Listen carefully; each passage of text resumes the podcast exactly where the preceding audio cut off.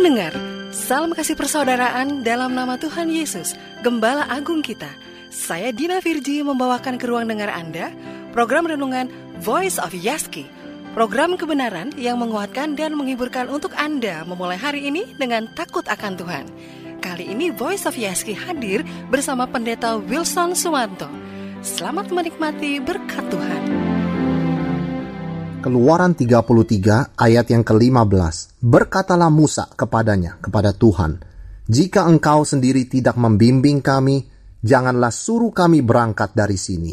Ayat 16. Dari manakah gerangan ketahui bahwa aku telah mendapat kasih karunia di hadapanmu, yakni aku dengan umatmu ini, bukankah karena engkau berjalan bersama-sama dengan kami, sehingga kami, aku dengan umatmu ini, dibedakan dari segala bangsa yang ada di muka bumi ini. Salah satu tantangan dari situasi pandemi sekarang ini adalah bahwa kita tidak bisa berinteraksi secara tatap muka, secara fisik dengan orang yang kita kasihi. Kalau kita terpisah karena jarak, kita pun tidak bisa naik pesawat untuk mengunjungi mereka pada masa-masa di mana pesawat berhenti terbang. Dengan kata lain, kerinduan itu begitu besar. Dan apa yang membuat kita rindu dengan orang-orang tertentu? Jawabannya adalah karena kasih. Karena kita mengasihi mereka. Dan kita rindu melihat dan bersekutu dengan mereka. Dan ketidakhadiran atau absennya mereka merupakan sesuatu yang sangat kita rasakan secara mendalam. Kita bisa melihat ini ketika ada seorang anak yang biasa tinggal di rumah, segala sesuatu dimasakkan oleh ibunya, kemudian uh, dilayani oleh pelayan, pembantu, kemudian segala sesuatunya juga disediakan dengan mudah. Tetapi ketika dia pergi ke universitas di kota yang berbeda atau negara yang berbeda, dia tinggal sendiri di sana, orang tua sangat merindukan anaknya. Sekalipun selama ini anaknya sangat merepotkannya, tetapi ketidakhadiran mereka sungguh terasa. Oleh karena apa? Karena orang tua, karena ayah ibu itu mengasihi sang anak. Inilah kerinduan dalam hubungan manusia. Kita rindu karena kita mengasihi orang tersebut. Tetapi agak berbeda ketika kita bicara mengenai hubungan kita dengan Tuhan. Mengapa kita rindu akan Tuhan? Seringkali kita sibuk, kita memprioritaskan hal lain, kita menganggap ada hal-hal yang lebih penting dari Tuhan, sampai pada satu titik di mana kita merasa sangat kosong, sangat kering, dan sangat gelap. Kita tidak mendapatkan sukacita dan damai lagi. Pada saat itu kita menyadari, ternyata selama ini kita sudah jauh dari Tuhan. Betapa kita merindukan kehadiran Tuhan, seperti rusa yang haus merindukan air. Kenapa kita bisa merindukan kehadiran Tuhan? Jawabannya bukanlah karena kita mengasihi Tuhan. Kita sering kali gagal mengasihi Tuhan dan kasih kita kepada Tuhan sangat tergantung kepada situasi dan emosi kita. Kita rindu kepada Tuhan karena Tuhan mengasihi kita. Karena kita dikasihi oleh Tuhan. Itu yang membuat kerinduan kita akan kehadiran Tuhan keperluan kita akan kehadiran Tuhan berbeda dengan kerinduan kita kepada sesama manusia. Kita ingat kisah anak yang hilang, seorang anak yang meminta warisan kepada papanya sebelum papanya meninggal. Sementara papanya masih hidup, masih sehat, dia meminta bagiannya untuk dia pergi ke negeri yang jauh, menghambur-hamburkannya di sana. Sehingga dia anak yang hilang, anak yang membuang-buang dan menghamburkan harta ayahnya.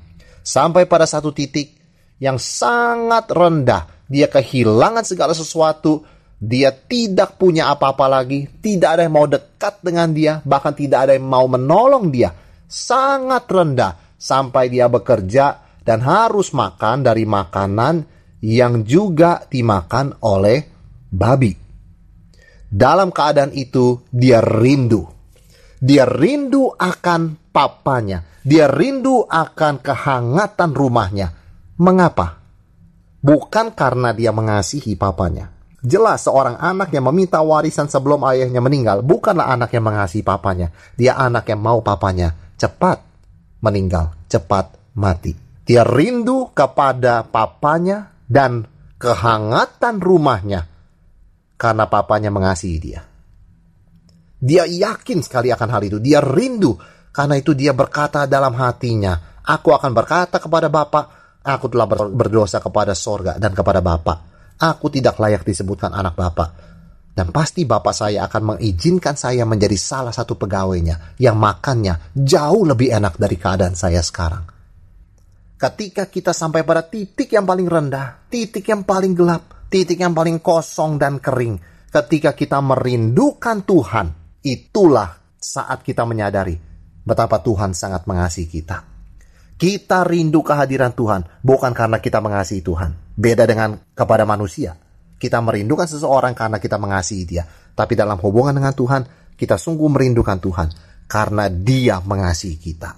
Itu sebabnya Musa berkata, Tuhan besertalah dengan kami. Meskipun bangsa ini sudah mendukakan Tuhan, telah membuat lembu emas, membuat Allah palsu, menyakiti hati Tuhan. Tuhan ampunilah bangsa ini, besertalah dengan kami. Kalau Tuhan tidak beserta dengan kami, jangan suruh kami pergi dari tempat ini. Sebab apa bedanya kami dari bangsa-bangsa lain kalau Tuhan tidak beserta kami? Kita tahu di dalam doa Musa ini, permintaan Musa ini, latar belakangnya adalah karena Tuhan begitu murka atas penyembahan lembu emas yang dilakukan Israel. Tuhan tetap menepati janjinya untuk memberikan kepada mereka satu tanah perjanjian. Tetapi Tuhan berkata kepada Musa, "Tetapi aku tidak mau bersama dengan mereka lagi. Aku akan mengutus para malaikatku untuk menyertai mereka, menyertai kamu, supaya kamu bisa mendapatkan perlindungan, mendapatkan persediaan makanan dan minuman yang cukup sampai kamu memperoleh tanah perjanjian." Jadi janji itu ditepati. Tetapi aku tidak akan bersama dengan kamu karena Nanti kalau bangsa ini membuat aku murka lagi, jangan-jangan aku akan membinasakan mereka. Tetapi Musa berkata, Tuhan, jangan tinggalkan kami. Kalau Tuhan hanya mengutus malaikat, tapi Tuhan tidak beserta kami, apa artinya kami ini? Apa artinya bangsa pilihan Tuhan? Apa artinya umat kesayangan Tuhan? Kalau Tuhan tidak beserta dengan kami, kita belajar satu hal yang membedakan seorang anak Tuhan bukanlah bahwa kehidupannya lancar terus. Yang membedakan seorang anak Tuhan bukanlah setiap hari dia selalu langitnya cerah. Yang membedakan seorang anak Tuhan adalah Tuhan beserta dengan dia.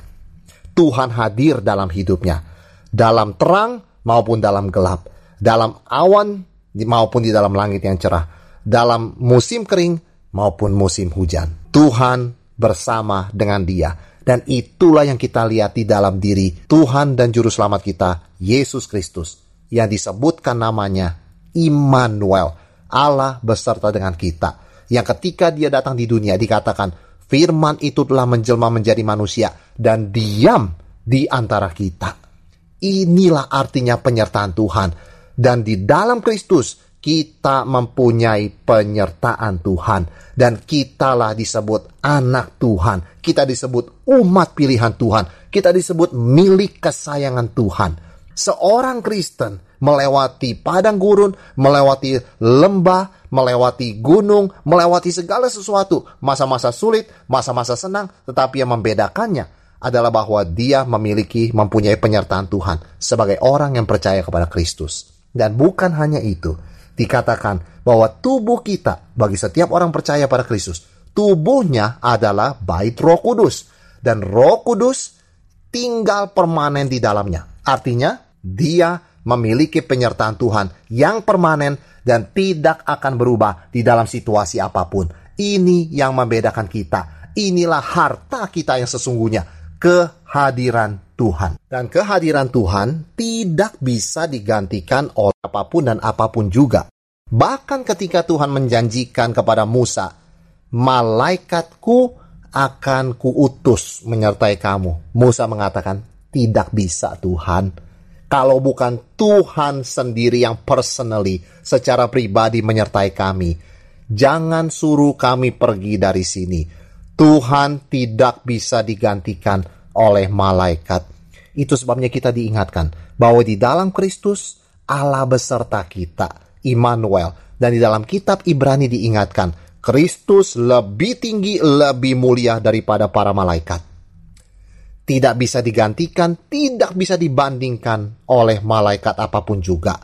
Ketika kita menyadari akan kehadiran Tuhan, ketika kita menyadari dan mengingat betapa Dia sangat mengasihi kita, kita belajar untuk selalu meninggikan Tuhan di atas segala-galanya, mencari kerajaan Tuhan lebih dahulu dan kebenarannya, dan lebih menghargai Tuhan. Karena ingat Tuhan berkata kepada Musa, Aku tidak mau beserta dengan bangsa ini, bukan karena aku tidak mengasihi mereka, tapi jangan sampai mereka berbuat dosa, membangkitkan murkaku, dan aku menghukum membinasakan mereka.